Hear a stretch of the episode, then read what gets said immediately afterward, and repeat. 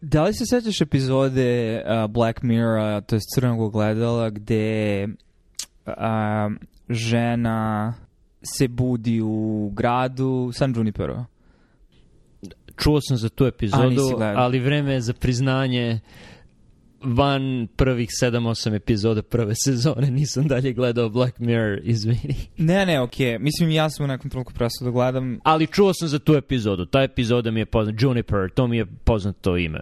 Da, uh, Ne znam o čemu se Da, radi, ali da, slobodno mi spojilo i manje, mala je šansa da ću Da, gledati. da, ali on, ne znam koliko on ima poente da uokvirujem, ali suština priče je da postoji žena koja se budi u gradu u kom izgleda kao da si zaglavljen u određenu deceniju. Mislim da počinje sa 80. godinama, svi nose odeću iz 80-ih, muzika u klubovima iz 80-ih izgleda kao neki grad u ne, ne, ne ono, nondescript grad u zapadnoj ono, Americi, u Kaliforniji i upoznaje devojku sa kojom uspostavi neku konekciju, pijani likovi smaraju i tu je već ona naznaka da, oboje, da su obe možda gej. Uh, I odjednom kao ono, presek, budiš se ponovo u gradu, ali sad su 50. godine i svi voze automobile iz 50-ih i muzika iz 50-ih ili soločka iz 50-ih i na kraju se ispostavi da je u stvari to čitav jedan metaverse u koji se ljudi priključe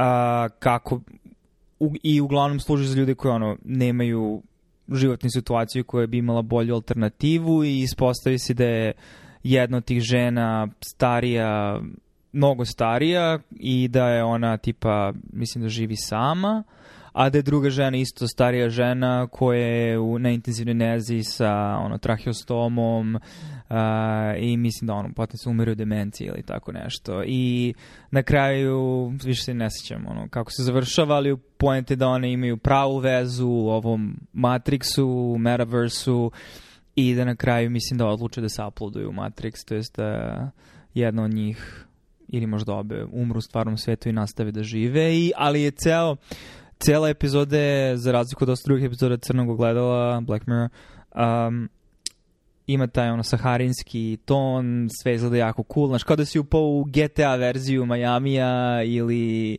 New Yorka gde je sve, ono, sjajne boje, muzika, zezanje, girls just wanna have fun, um, ali mislim da u suštini je epizoda jako mračna na nekom nivou. I je možeš da možda nekom nivou razumeš poriv i potrebu i situaciju koje ljudi koji imaju alternativa život u staračkom domu um, da mogu da sebi učine eto poslednje godine svog života na nekom nivou on, um, zanimljivim, potencijalno um, dobrim godinama, ali sa druge strane u praksi šta se dešava je da imaš mislim ono što će se desiti sa ili što će se dešava sa VR-om i AR-om o kojima smo pričali da će mladi ljudi ili roditelji sa malom decom provoditi vreme u metaversu umesto da budu u, u stvarnom svetu. Ne znam kuda ideš sa ovim, ali dva zapažanja. Prvo, nisam siguran, mi, zvuči super da je neko ko je na intenzivnoj nezi, traheostoma, jako loš život, možda dekubitusi, sve to, ali mentalno je i dalje svesan, fizički nije, ne, ne može da se pomera i zaključan je, ali znaš da, da više možda ne funkcije još uvek rade kako treba, bez obzira koliko godina ima, mislim da je to sjajno i mislim da bi to bilo super kada bi moglo da pošalješ svest. Ali tu moje oduševljenje prestaje, jer ne vidim način na koji neko ko ima demenciju, znači čije više mentalne funkcije više ne funkcionišu, više nisu kako treba, mislim, na koji način bi uh, Metaverse pomogao tom funkcionisanju. Tako da mi, da mi to malo ne štima, a naročito ne vidim kako bi ti možeš da napraviš odluku da se ubiješ i možeš da napraviš odluku da deo svoje svesti pošalješ, to je drugo zapažanje, u Metaverse, ali to više nije ista osoba. Više nemaš ta iskustva, to više nisi ti. Tako da ti praktično odlučuješ da, da izvršiš samoubistvo i, i to je kraj. Mislim, ne, ne, ne, to slanje, slanje u, u singularitet ne menja činjenicu da si samoubica. I mislim da je to što iznenađuje u sadašnjem trenutku što mislim da se ta logična, to logično i jasno zapažanje um, će se sve manje smatrati takvim, zato što na nekom nivou, a sada ću napraviti ono, propoziciju, um, on, hipotezu, pa ti vidi, nije mnogo daleko od toga kada osoba um, na društvenoj mreži postuje video sebe sa suzom kako plače zbog stvarne tragedije, gde um, u interakciji sa tim sistemom, sa tim metaversom, um, se ne, nemerljivo ljudsko iskustvo, znači fenomenološki moment tebe prolazaka kroz taj, prolazak kroz taj trenutak, pakuje u bajtove koji se onda šire kroz društvene mreže, koje ljudi lajkuju, komentarišu i tako dalje. I onda se postoje pitanje šta je tu stvarno i da li je ta stvarna osoba u interakciji sa tim sistemom stvarna i da li je taj video stvaran i u kojoj meri je jedno ili drugo manje ili više stvarno. Uh, slažem se. Mislim da taj čin i ako hoćeš mogu da objasnim o čemu mislim. Misliš na jednu da. konkretnu situaciju koju sam ti ja malo prespomenuo, da. a to je da je nek, nisam ja video tweet, ono, čuo sam osobu koja je videla, ali osoba je od poverenja. Uh, neki kardiolog je 40 nešto godina, brat je umrao tom kardiologu od iznenade srčane smrti i onda je dan kasnije on postavio selfie sa suzom u kome piše i muškarci, u redu i kad muškarci plaču kada im brat umre. Mislim, ok, ok, ali to, ta, ta, taj tweet, to je bilo na Twitteru, obezvređuje čini mi se i, i smrt tu i obezvređuje reakciju tvoju na tu smrt. I mislim da, da je trenutak obezvređivanja. Nije to što ti gledaš to, mislim ti si izložen tome, nije to ni, ni što je on postavio taj tweet, mislim da je obezvređivanje došlo u trenutku kada je on našao za shodno da izvadi telefon i da ga usmeri prema sebi i da se slika u trenutku kada plače o smrti svoga brata. Mislim, ne, ne vidim, ja nikad nisam bio u toj, u to, to, tom, toj mentalnoj situaciji da mislim da je to u redu. Ne, ne znam kako čovek dovede sebe u situaciju da misli da je to u redu. Da, ali je problem što to ni, nisu striktno definisane kategorije zato što znam Isus još jedan konkretni primjer. Mislim, mnogi primjeri su samo ono suštinski obrasci koji svako prepoznaje u svom životu jer zna ljudi ili je sam bio deo takvih stvari. Um, roditelji koji imaju dete, roditelji su pritom ono theater kids, znači vole da nastupaju, da pevaju, um, ili su profesionalci ili ono imaju hobi da učestvuju takvim aktivnostima i onda njihovo dete od 2, 3, 4 godine je takođe talentovano, ima sluha, voli da nastupa, voli i pažnju koju naravno deca mislim zavisi od pažnje svoje okoline svojih roditelja, zato što to te čini osobom i kvalitet te pažnje i te kako utiče na to kako ćeš ti osoba postati. U smislu hoću kažem da deca često ne razumeju momente um, i osanjuju se, veruju svojim starateljima, roditeljima um, da je, jer on, ovo čini moju mamu srećnom, moja mama je srećna kada ja izađem pred kameru i počnem da pevam neku pesmu i to je isti ono moment kada ono, ti, tebi kad je neko klinc rekao, ajde izrecituj sad pred gostima i ti, oh, bože, ne, ne, ne želim, ali mislim da će svi prepoznati obrazac u kome i tekako prisutno svud oko nas um, mislim ta, neću da nazovem dehumanizacijom, ali ta, mislim, ono, um, komoditizacija identiteta i, i postojanja pogotovo dece koja nisu toliko svesna šta su društvene mreže, ali koja u tom trenutku počinju da se uslovljavaju, da su stalno snimana, da ih stalno snimaju, da ih u svakom trenutku treba da nastupaju na određen način i onda neko ko je primetio ovoj specifičnoj situaciji da ovo dete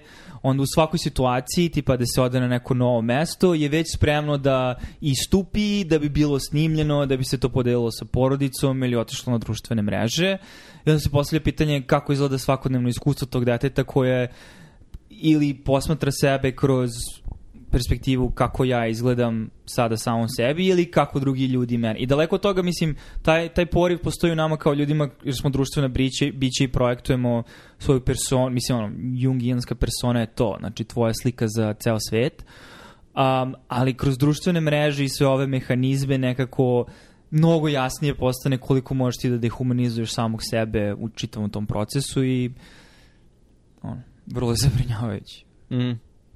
Sada ću ti reći jednu ličnu priču, neće biti previše lična, ali mislim da je relevantna. Uh, prvo dete smo dobili 2012. Oboje smo imali, supruga i ja, Facebook nalogi u to vreme. I prvih nekoliko meseci možda smo postavili par dečjih slika na Facebook. Kada sam video kuda to vodi, odmah sam rekao i sebi i supruzi, hajde više da ne. Ubrzo nakon toga sam izbrisao Facebook nalog i trudili smo se oboje od tada da nam se slike dece ne pojavljuju na društvenim mrežama ni po koju cenu. I pre par meseci sam imao priliku da potapšem, oboje smo imali priliku da potapšemo sebe po ramenu, jer sada je koliko prošlo, 11 godina od tog trenutka, je 10 i po.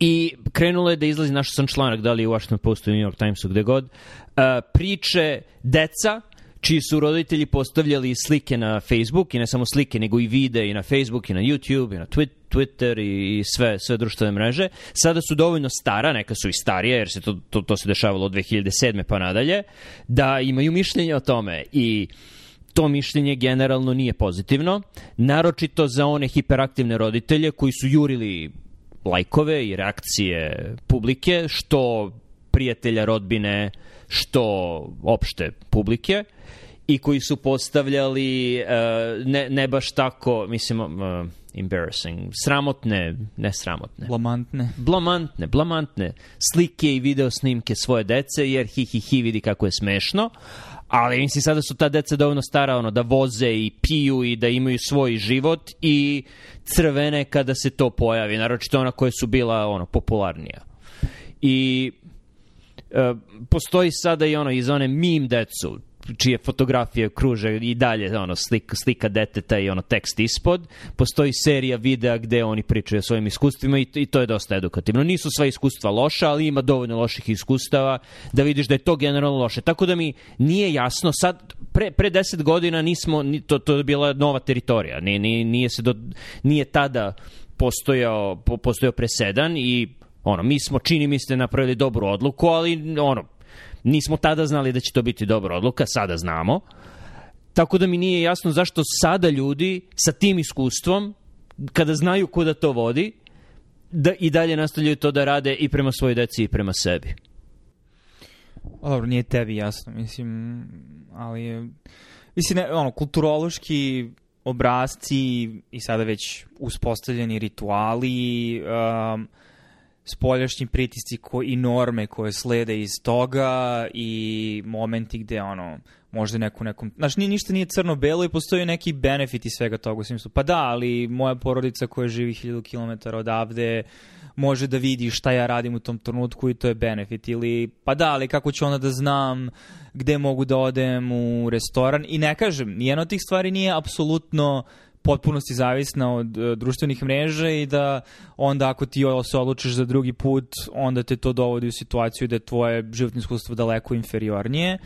Ali postoji moment u kojem smo mi svi kolektivno sebe kao društvo ubedili u priču da koja ima realne manifestacije zato što ljudi imaš profesionalne ljude koji, mislim u smislu čiji su profesije, ja sam osoba na društvenim medijima, takozvani influenceri, znači ljudi koji uh, kojima je, čija je čitava karijera oko toga kako, na koji način ja mogu da privučem pažnju svoje publike i da ta publika bude dovoljno velika da bih ja onda bio u situaciji da mogu da budem sponzorisan od strane uh, nekoga pokušati proda generički Cialis ili pečurke. To, to je za podcaste koje ja gledam, što očigledno sam ja demografije i muškarci mogu uzrasta, to, to se prodaje. Kako gledam neki podcast nekog komičara, ono, to, to reklamiraju. Boner pills i... Ček, i, čekaj, i, samo, da, samo da, da, da, da li sam te dobro čuo, gledaš podcast? Pa, gledaš, slušaš, mislim, zato što je, pa, ali to je sad, imate ok, to, ovo je druga diskusija, ali uh, totalno drugačiji podcast kad gledaš dvoje ljudi koji su youtuberi čije profesije da budu youtuberi koji se trude da budu smešni i dvoje ljudi koji su stand-up komičari koji idu uh, ono, po čitavoj Americi i, i na neki način upijaju kako ljudi reaguju na koja mišljenja i kroz njih bacaju. Mislim, jako je zanimljivo sada koncept stand-up komedije kao takvi ljudi, jer ti onda dobiješ mišljenja svih ljudi u toj zemlji, radiš polling, ali taj, to, to, to, to, to, javno mišljenje, ta anketa je na nivou, ok, da li možemo ovome da se nasmejemo ili ne, jer čim, ako se smeješ nečemu, ima nešto u tebi što prepoznaje to kao nešto što nešto ima, nešto ni u redu. Znači oni su nekom nivou barometar društveni i, i totalno drugačije iskustvo i da, mislim podcast u kojem dva komečara sede uh, je smešan kao auditivno iskustvo, ali nekada to bude na tvom telefonu i, ili na tvom TV-u pozadini dok ti kuvaš i onda možeš i da vidiš njihove reakcije i onda to često doprinosi samom iskustvu. Isto kao što nije isto gledati special komičara i slušati special komičara. Znači, postoji gestikulacija, uh, momenti gde um, jednostavno video, vizualni moment doprinosi um, ugođaju. Ali da, gledam podcastove.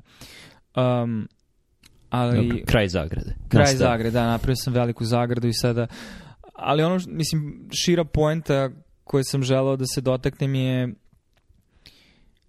bila tada, mislim, influenceri sami po sebi postoje, samim tim to je indikator toga da to jeste biznis model i da, naravno, ko tu zarađuje na kraju uvek su, kuće uvek dobija, su same kompanije, ali da je komoditizacija nas samih nešto što nije neophodno očigledno nije mi jasno zašto to ljudi rade kada i dalje postoje dosta društvenih pritisaka i obrazaca koji to veličaju i na, nalaze načina da ti možeš da se osjećaš kao da si dobra osoba u društvu i da radiš dobru stvar time što učestvuješ u svemu tome.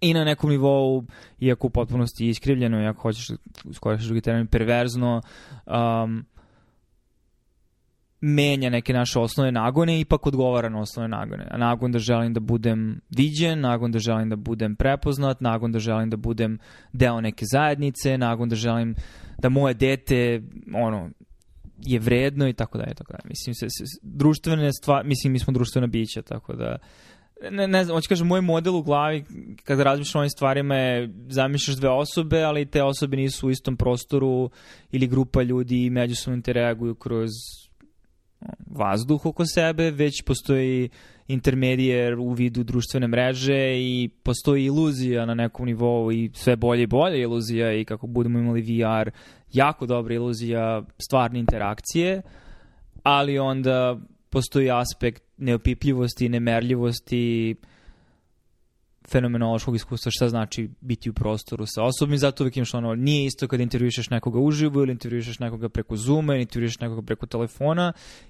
Svi oni imaju svoje stvari kroz koje možeš da dobiješ određenu informaciju, ali ništa ti neće dati toliko količinu informacije koliko a, prisustvo osobe u stvarnom prostoru. To je tačno, fizičko prisustvo je bitno, mada moram da primetim neki od naših zanimljivih razgovora bili su uh, preko FaceTime ili Skype ili što smo god koristili, tako da nije, nije ono super neophodno. Ne razumem i dalje influencere.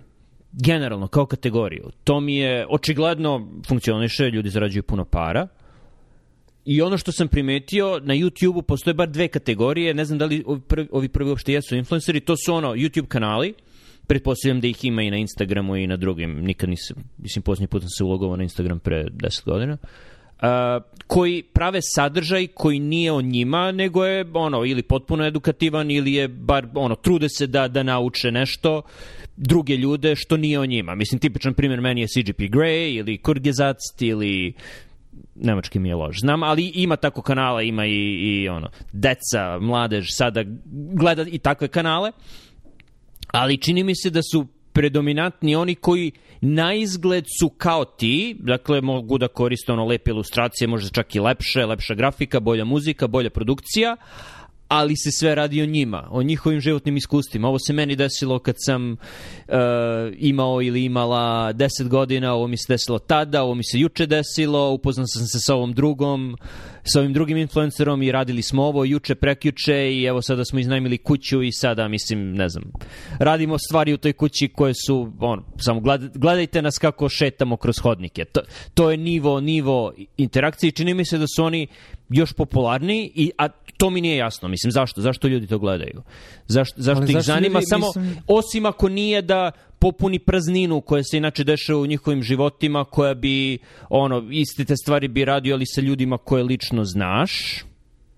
I onda pretpostavljam da to znači onda da bi takvi kanali bili popularni recimo u Americi gde su ono deca u predgrađima treba im auto da bi bilo gde otišla, ne smeš da izađeš na ulicu da te ne bi pogodio ili auto ili metak, tako da si ono zaglavljen kod kuće i ako hoćeš da se vidiš sa nekim društvom, to je velika produkcija, mora puno planiranja, mora pet kalendara da se poklope, da bi se našao negde sa drugom ili drugaricom.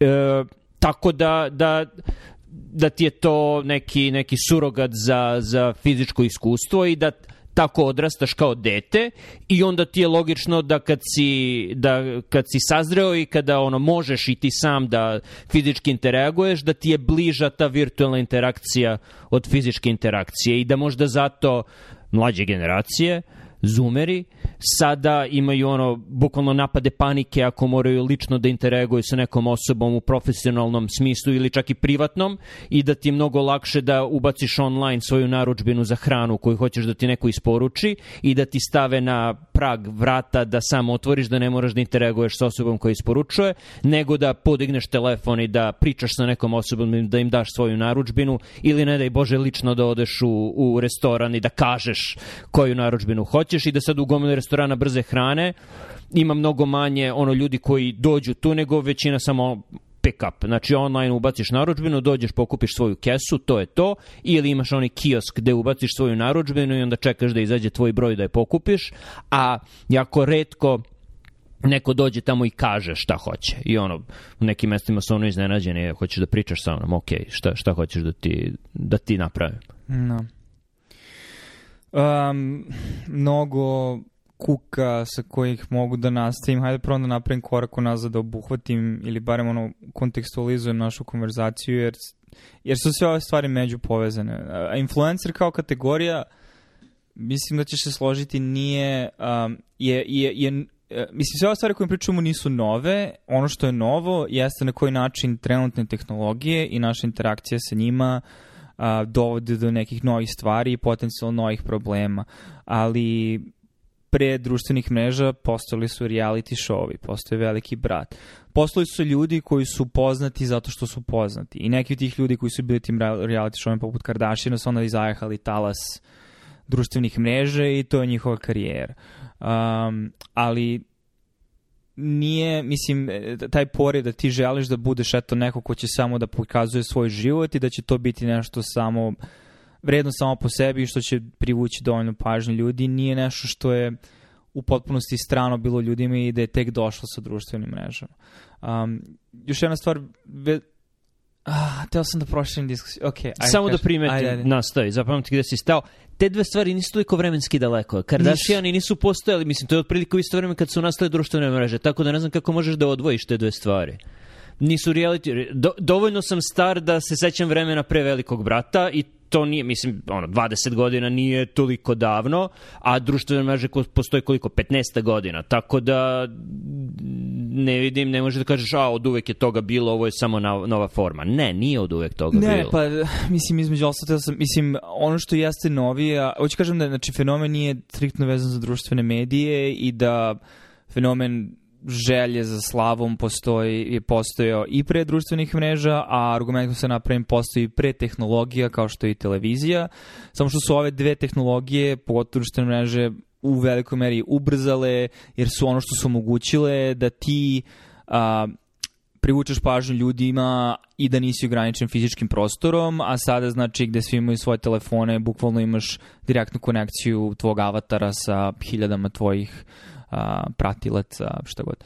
Um, ali i, i argument koji možda napraviš u kojoj meri onda poznatost radi poznatosti, znaš, fenomen starlete ili čega god, um, je metamorfozirao iz nečega da si ti poznat iz nekog razloga, zato što imaš određeni talent i zbog toga je tebi i isprava davana pažnju u smislu pevaš, igraš, dobar si govornik, glumiš, ali nešto je došlo, dovelo do toga da ti privlačiš pažnju velikog broja ljudi, a da ove nove tehnologije u velikoj meri su omogućile sve veću banalizaciju šta je to što ti treba da ponudiš i na kraju se svodi na to da je bitno da si fizički privlačan i da imaš dovoljno zanimljiv karakter da bi drugi ljudi mogli tebe da prepoznaju nešto što bi bilo vredno pažnje i što je onda u direktnoj kompeticiji sa stvarima znači banalnosti tvog opšteg postojanja, kao što si rekao, neko živi u lošem kraju i nema mnogo alternativa, alternativa tome da možda imaš fantaziju socijalne,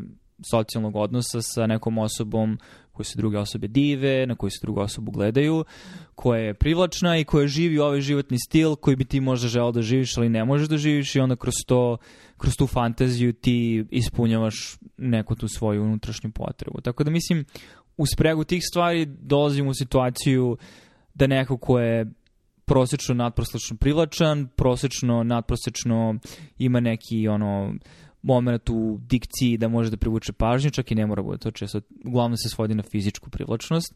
I onda dolazi situaciju da ti ljudi zato što imaju para često su ti ljudi koji ulazu to imaju para već i, i, i ono, pogotovo sada u talasu društvenih mreža gde je jako teško početni od nule i jako teško privući publiku i sve teže i teže jer očekavamo dosta dece ono, u svim onim anketama šta želiš da budeš kad porasteš, želim da budem youtuber, influencer, twitch streamer, šta god.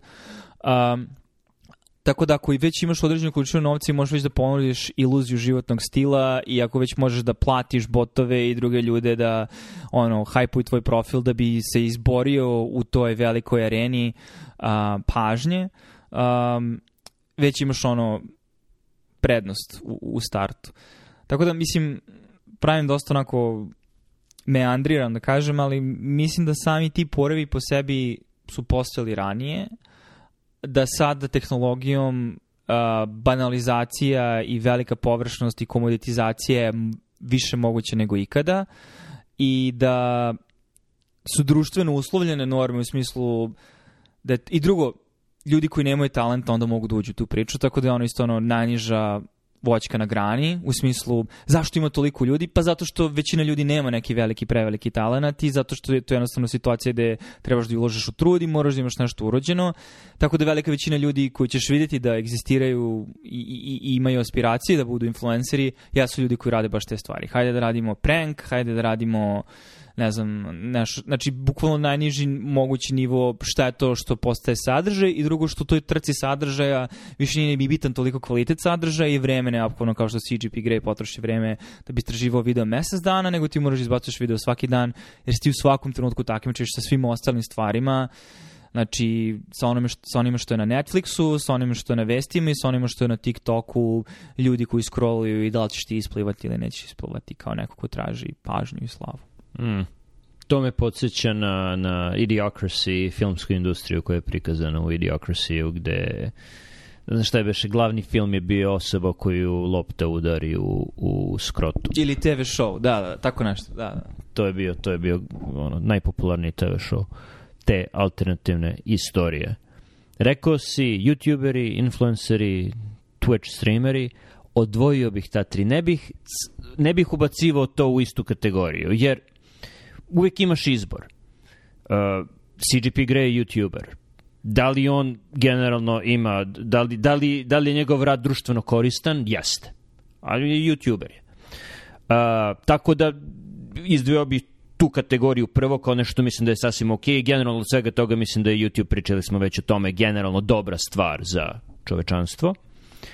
Twitch ono, druga kategorija, ako si, do, i tu si dobar, moraš generalno da budeš dobar u igranju igrica, mislim, ne možeš, ne znam, da, da li je popularan neki kanal gde neko. Da. stalno gine? Mislim... Ne, ne, ali popularni su kanali gde imaš devojke koji su obučene vrlo provokativno, koje nisu nacerijski gameri, ali su mediokritetni gameri gde da nemaju taj drugi moment i postoji direktan ono, kako se kaže, ono, direktna linija između uh, Twitch streamera, pa onda OnlyFans i onda tako, tako da mislim postoji taj moment. Aha, I drugo ali... stvari koje, koje sam ti pokazao sa TikToka, sa ovim animacijama i stvarima na nekom nivou jesu, vrlo su bliske Twitch streamingu gde ti imaš konstantnu interakciju sa svojim fanovima gde tražiš donacije. Samo što ne radiš ovakvu vrstu performansa, ali često ono postoje... Dobro, obja, objasni šta, na, koj, na koju vrstu performansa misliš. Da, ovo je nešto što vjerovatno nova stvar, ili nova za mene, nova za nas, zato što smo matori, nismo na TikToku, ali očigledno je da postoji nova kategorija koja možda nije toliko nova, nego je samo nastavak opet stvari o kojima smo pričali, a to je da imaš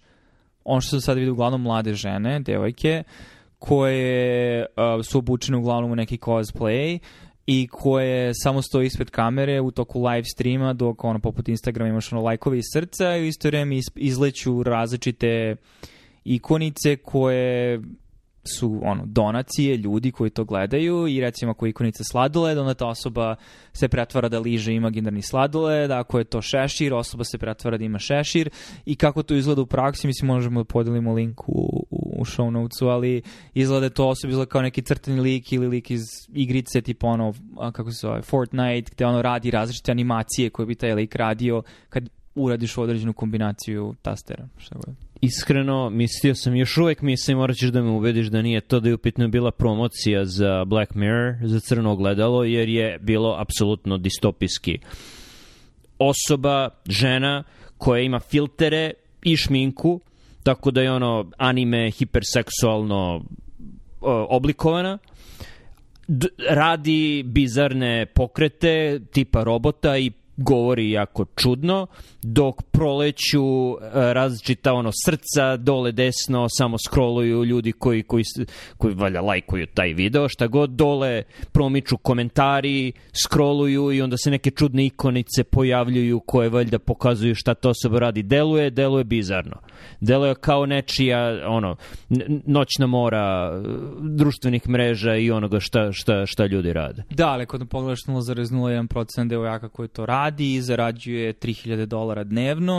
Uh, i... Da li su ti brojevi provereni? Odakle je ta brojka? To si sada izvukao Lupom, iz malog ali prsta. što se tiče Twitch streamera i OnlyFans devojaka, ti visoki percentili zarađuju velike količine novca. Sad, postoji čitav naravno moment znaš, koji je nivo dehumanizacije kroz koje ta osoba prolazi i gomila tih devojaka koji imaju sve te parasocijalne veze sa muškarcima koji su sami po sebi isto ono socijalni, socijalno izolovani i daju neanormalne količine novca, ali ono, Google search away si od toga da vidiš šta ljudi i koliko para ljudi šalju i, i sad je sad taj moment, ok, znači mogu da se skidam pred kamerom i da pokazujem svoje golo telo i onda će to biti zaovek tu i onda pitanje ono ramifikacije kako to uči na tvoju zaposlivost. Znaš, stvar kojom se barem na zapadu ne priča mnogo u smislu sve se to stavlja pod okrilje da je to ono female empowerment, uh, da je to feminizam, da je to naš preuzimaš ono sex work je tvoj izbor, ali dosta tih devojaka dolazi iz pozadine u kojima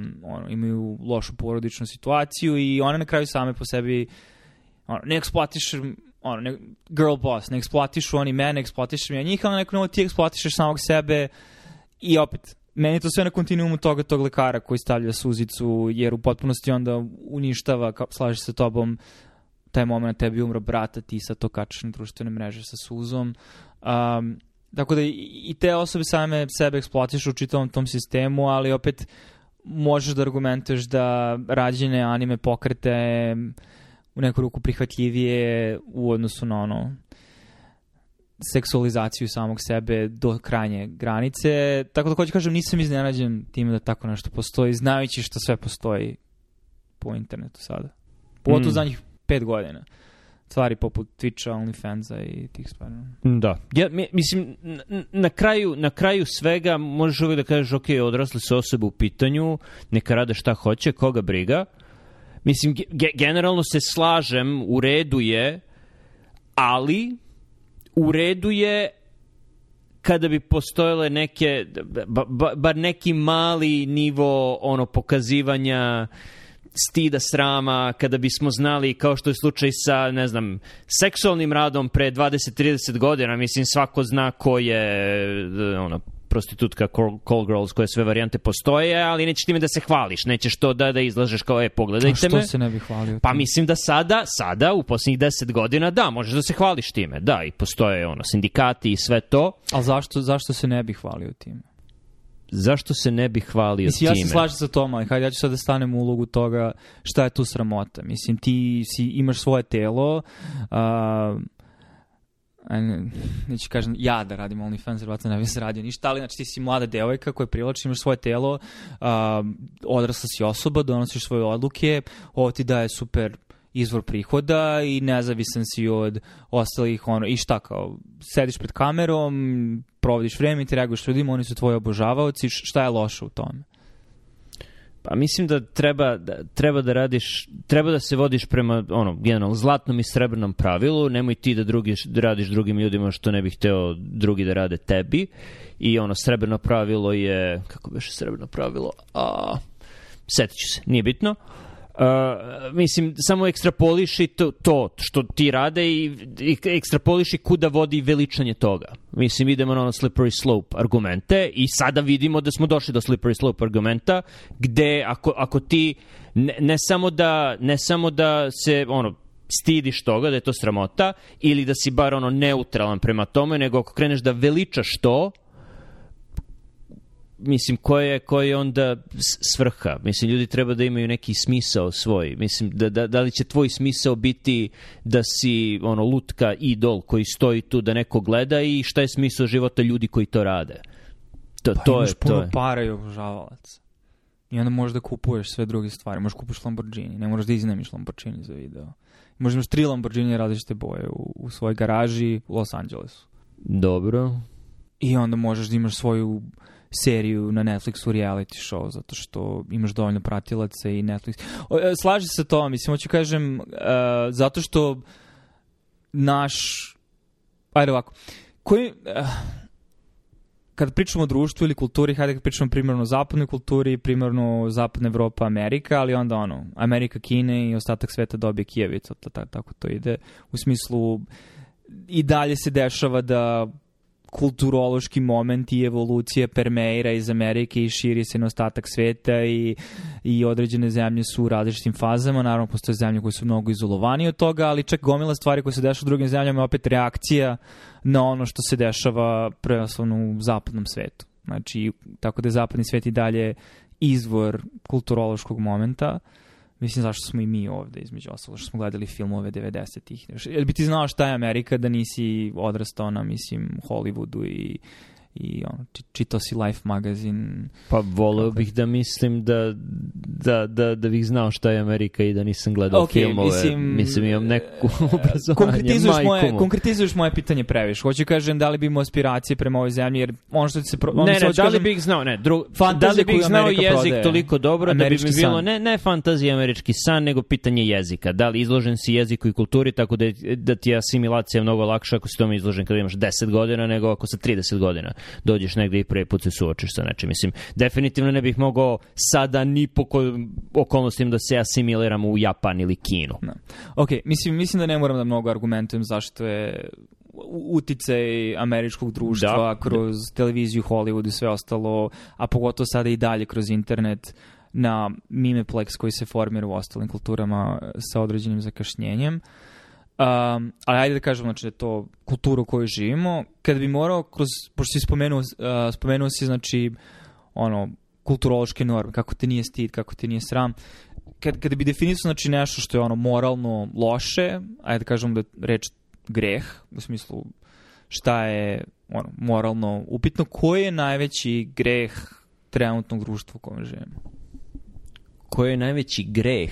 Pa mislim u smislu ko je najveći... Mislim, greh je reč koja ima duboku religijsku konotaciju i daleko da je ona nebitna, ali ne, ne mogu da nađem bolju reč. Ko je najveći... Mislim, ko je naš... Šta je izvor našeg moralnog sunovrata? Jer očigledno barem ja napipavam da govoriš o ovim stvarima, znači daješ im negativnu valencu. Ove stvari nisu dobre po nas, nisu dobre po ljude, nemaš svrhu kao osoba, znači nešto ne radimo kako treba. Šta, šta je to što ne radimo kako treba? Ko je Jer, hoću kažem, ovo što si rekao, meni je bukvalno inverzija toga, najveći greh je u stvari arogancija i ponos i zato ljudi nemaju stida i zato ljudi nemaju blama, uh, jer smo u potpunosti iskorenili ili se trudimo da iskorenimo to. Znači da uh, šta, šta, šta, šta, šta bilo koga boli ovo što je to. Znači ja znam bolje nego bilo koji drugi ljudi, ja znam šta je nauka, ja znam šta su adekvatne mere po društvu, ja znam koji su to problemi u društvu, ja znam kako mi treba da rekreiramo društvo i bilo ko drugi koji prispituje to je loša osoba. jer ja znam. Zato što sam ja u centru sveta, zato što ja sam influencer i imam da pojasnim, kad si pitao šta je sada najveći greh, nisi mislio na to šta društvo trenutno misli da je najveći greh ili šta se smatra najvećim grehom, nego objektivno šta je sada Da, najveći da, greh i u razvijenom zapadnom u razvijenom zapadnom društvu hiperindividualizam i arogancija su trenutno najveći greh i izvor svih tih problema. Izvor Ili barem- većine problema ili faktor u svakom Da, od problema slepa koji mrlja koji dolazi. ti krivi stvarnost da nijedno od tih stvari ti ne dođe do mozga. Čekaj, je li ovo što radim ima smisla? Slažem se, ne, ne, da. Apsolutno. Da, hiperindividualizam je e, problem ovde. To je problem e, koji se polako smanjuje, jer kad gledaš e, jedno od merila toga koliko si koliko ima individualizma u nekom društvu je koliko ima sindikata, koliko ima štrajkova i Amerika definitivno nije poznata Mislim, bila je poznata da ono 60-ih, 70-ih godina po sindikatima koji su Poslednji onda... je bio Reagan kad je otpustio poslednji veliki štrajk u Americi. Da, ono, da. E, ali od tada su ono sindikati na lošem glasu zbog ono veza sa mafijom, organizovanim kriminalom i ima jako malo generalno sindikata ovde ne postoji postoji i, i ono sindikati na primer prosvetnih radnika su na lošem glasu jer obično se trude da zadrže loše nastavnike i bore se protiv e, bilo kakve evaluacije i, i generalno su ovde na lošem glasu sindikati, ali mislim postoji sada veliki štrajk velikih sindikata glumaca i pisaca. Uh, postoje pokreti ka tome da se sindikalizuju, na primer, ovi uh, rezidenti, uh, specijalizanti u Mass Generalu, u bolnici i dosta ono postoji, postoji tih ono sindikalizacija zdravstvenih radnika, tako da mislim da se to polako menja u tom, u tom i mislim da je to neka vrsta reakcije da su ono stvari toliko prešle u jednu krajnost da i u mestima gde ne bi to očekivao, tipa lekara, dolazi do malo kolektivnog momenta i malo više kolektivne svesti. Ne znam. Misliš to je kao odgovor na hiperindividualizaciju, ali mislim to to je ali to je ono je, jedna sfera, jedan jedna, jedan aspekt društva koji a pričali smo jednoj od prethodnih epizoda koje nastavlja da se atomizira, koja nastavlja da jer pritisci koji postoje tehnološke koji su onda impregnirani u samu ekonomiju su da je mnogo isplativije da ti um, staviš Apple Vision Koji još uvek nije izašao. Nemoj, nemoj da čerečiš Okej. Apple Vision dok... Ali dobro, Naročito jer je pravljen tako da ti daje, da je više ono mixed reality nego apsolutna virtualna. Nije holodeck u pitanju, ne, ne, neće potpuno da te izoluje od sveta. Da, to su e, prsteni alfova, mislim, ali ima, imamo svi prstene koji su nosili ljudi, koji su onda... Hoću kažem, i Facebook će da izađe sa svojim prstenjem i neće znati kako da ga koristi. To jest, kako će ljudi to koristiti će biti daleko od toga. I drugo, Mhm. mislim, nemoj da kritikuješ iPhone, ali telefon na kome je najbolje da konzumira... Ne, ne, ne, mislim, ono, okej, ne, ne krivim ja Apple. Apple je, od- mislim, pričali smo, ono, odgovoran za iPhone, ali Apple nije odgovoran za TikTok na iPhoneu. Ali ti ne bi imao TikTok na, da, da nema iPhonea. Kakav jeste sada, pogotovo što, zato što iPhone takav kakav jeste, zato su Android telefoni takvi kakvi jesu, za, zašto su interfejsi takvi kakvi jesu, zato što je iPhone izašao sa takvim interesom, zašto je scrolling po staklenom ekranu nešto što je kap, ono, stvar koja je svima opšte poznata zato što je neko napravio odluku da izađe sa nečim što je telefon, browser i iPod u isto vreme a, da tako će to izgledati. Istina, ali mislim da je Apple prvi postao svesan tog problema, ja sam sada veliki Apple apologeta i fanboy, izvinjavam se. Uh, mislim, imaš one fokuse, imaš načine da smanjiš notifikacije, imaš screen time koji te upozorava, bla, bla, bla. To već postoji godinama, ali ono što sam sada primetio je jako se trude da prebace centar, naročito komunikacije u domaćinstvu, jer pretpostavljam da ono, svi zaposleni u Apple koriste, koriste iPhone-e, trude se da prebace sa telefona na veliki ekran, tako da je više osoba uključeno Ja, u nemoj da bude komunikaciju. reklama za novi feature koji Apple izbacujemo. Apsolutno će biti reklama za novi feature. Tako da sada postoji, vidjet ćemo kako funkcioniše, na primjer, Apple TV, moćeš da imaš FaceTime, tako da staviš telefon ispred TV-a i e, kamera na telefonu je povezana sa TV-om, tako da slika svakoga koji je u prostoriji, svi koji su u prostoriji mogu da vide na, na ekranu, tako da interakcija sa nekim na FaceTime-u sada, ali ta funkcionalnost će postojati kao API i za WhatsApp, Viber i Skype i, i druge uh, ove video conferencing sisteme. Moći će da bude više kao videokonferencija grupe ljudi sa grupom ljudi, a ne jedan na jedan komunikacija. Tako da po, postoji kretanje u tom smeru, vidjet ćemo. Mm, to je kao onaj meme gde imaš ono kao one, one veliki stakleni sud i voda prska i onda neko stavi izolir traku na to. Ne, a, ok, implikacija je da će nešto da pukne, ali ja mislim da je već puklo. Mislim, šta... Pa šta puklo, mislim, tražim da nađem analogiju nečega da ti pokušaš da zaustaviš bujicu tako što gradiš malu branu i možda za mali procenat ljudi koji imaju dovoljno samosvesti, samokontrole, koriste Do Not Disturb, koriste kontekste Mm, na iPhone, isključuju da. notifikacije, Ok. ali velika, velika većina ljudi ne radi to i nema benefit Da, od tih. sl- slažem se, zato nisam, zato sam i rekao, aha, ne koriste ljudi.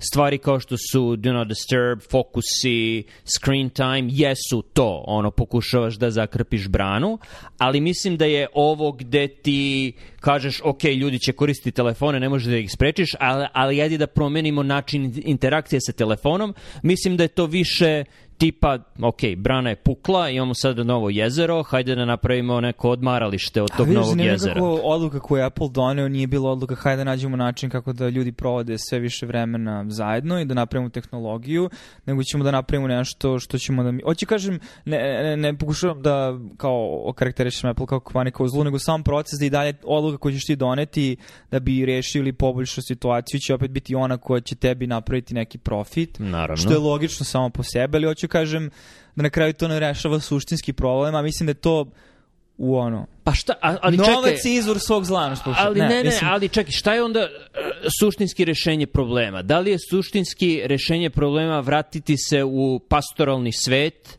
gde ljudi žive u malim gradovima, gde poznaješ ono svoju neposrednu okolinu i onda ono jednom u nedelju dana odeš do velikog grada, a jednom u godinu dana napustiš svojih ono 100 km radijusa i da je to tvoj domen i da je to tvoje ograničenje. Da li je, da li je to rešenje problema? Možda, ne znam, mislim, ali ono što mislim da ono što je očigledno meni sada je da moramo da imamo diskusije na tu temu koje će pokušati da odgovore na to pitanje, jer ova, ovakva brzina promene stvari i naravno svako misli u svakom istorijskom trenutku postoje dobro dokumentovani dokazi da žive u ključnim vremenima, da se stvari menjaju i stvari, ono, da dešava se nešto, ali uh, dovoljno sada imamo godina da vidimo koliko se dramatično, iako ne fizički u nivou atoma, ali tekako psihički, psihološki, kulturološki svet promenio i možeš već da vidiš implikacije toga u budućnosti, kao što si rekao, deca koje sada odrastaju gledaju na 10 godina stare klipove i tekako utiče na njih i kako vide sebe i kako vide sebe u društvu i tako dalje. A, tako da da, ne znam. Mislim, ja mislim, ne želim da živim kao Amiš, ali Amiš imaju manje raka, veće zadovoljstvo životom, tako da, tako da, e, Ne, mislim da je sja, otvorena zagrada ono, po 20. put danas. Uh, mislim da je super što Amiši postoje i mislim da je to dobar be, be, bezbednostni mehanizam za civilizaciju jer je to ono ti eksperimentišeš ali ako sve propadne ono Amiši će preživeti nastavi. Da, da, da, ali hoću kažem da nešto što ima tu direkcionalnost u smislu, ok, hajde da pokušamo da interagujemo sa tehnologijom sa malo više strepnja. Opet to je Chestertonova ograda. Mislim, znači, moramo da nađemo... Mm, nije to Chestertonova ograda. Chestertonova ograda je kada bi postojala tu neka brana razmisli pre nego što je svesno ukloniš. Ovo to je pitanje... tehnologija je nešto što hoće da ukloni Chestertonovu ogradu. To je ono, mislim, Aha. analogija koju, koju sam hteo da... Mislim, u smislu sličanje obraza. Znači, postoji određen stadion društva u kojem egzistiramo sada i onda dolazi neka nova stvar, uglavnom tehnološki uslovljena i onda mi bez pitanja gledamo kako može ova stvar sada da odgovori na neke probleme, reši neka pitanja, kako može da... I na kraju eksternalitete viđaš godinama kasnije, decenijama kasnije i onda samo treba da postoji prostor u kojem možemo da nađemo način da rešimo ove probleme, a ne da nastavljamo u tom ciklusu dalje atomizacije i komodi, komoditizacije um, ljudskosti. Da, pa mi, dokle god možeš da pričaš o tome i dokle god možeš da razmišljaš naglas o tome i dokle god si svesan tog problema, uh, mislim da je velika šansa da to neće postati ono kritičan problem koji će okončati civilizaciju to je Scott Adams princip, ne znam da li je, da li je bezbedno pričati o Ali, ali ti se već sada Adamsu. samo cenzurišeš zahvaljujući stvarima koji se desaju samo, samo cenzurisao? Šta sam samo cenzurisao u ovom trenutku? Scott Adams. Pa nisam se cenzurisao, rekao sam, čak sam i rekao, čak sam i napomenuo, hej, to je on, onaj koji bi mogao potencijalno da bude problematičan u nekim krugovima, mislim, meni nije lično.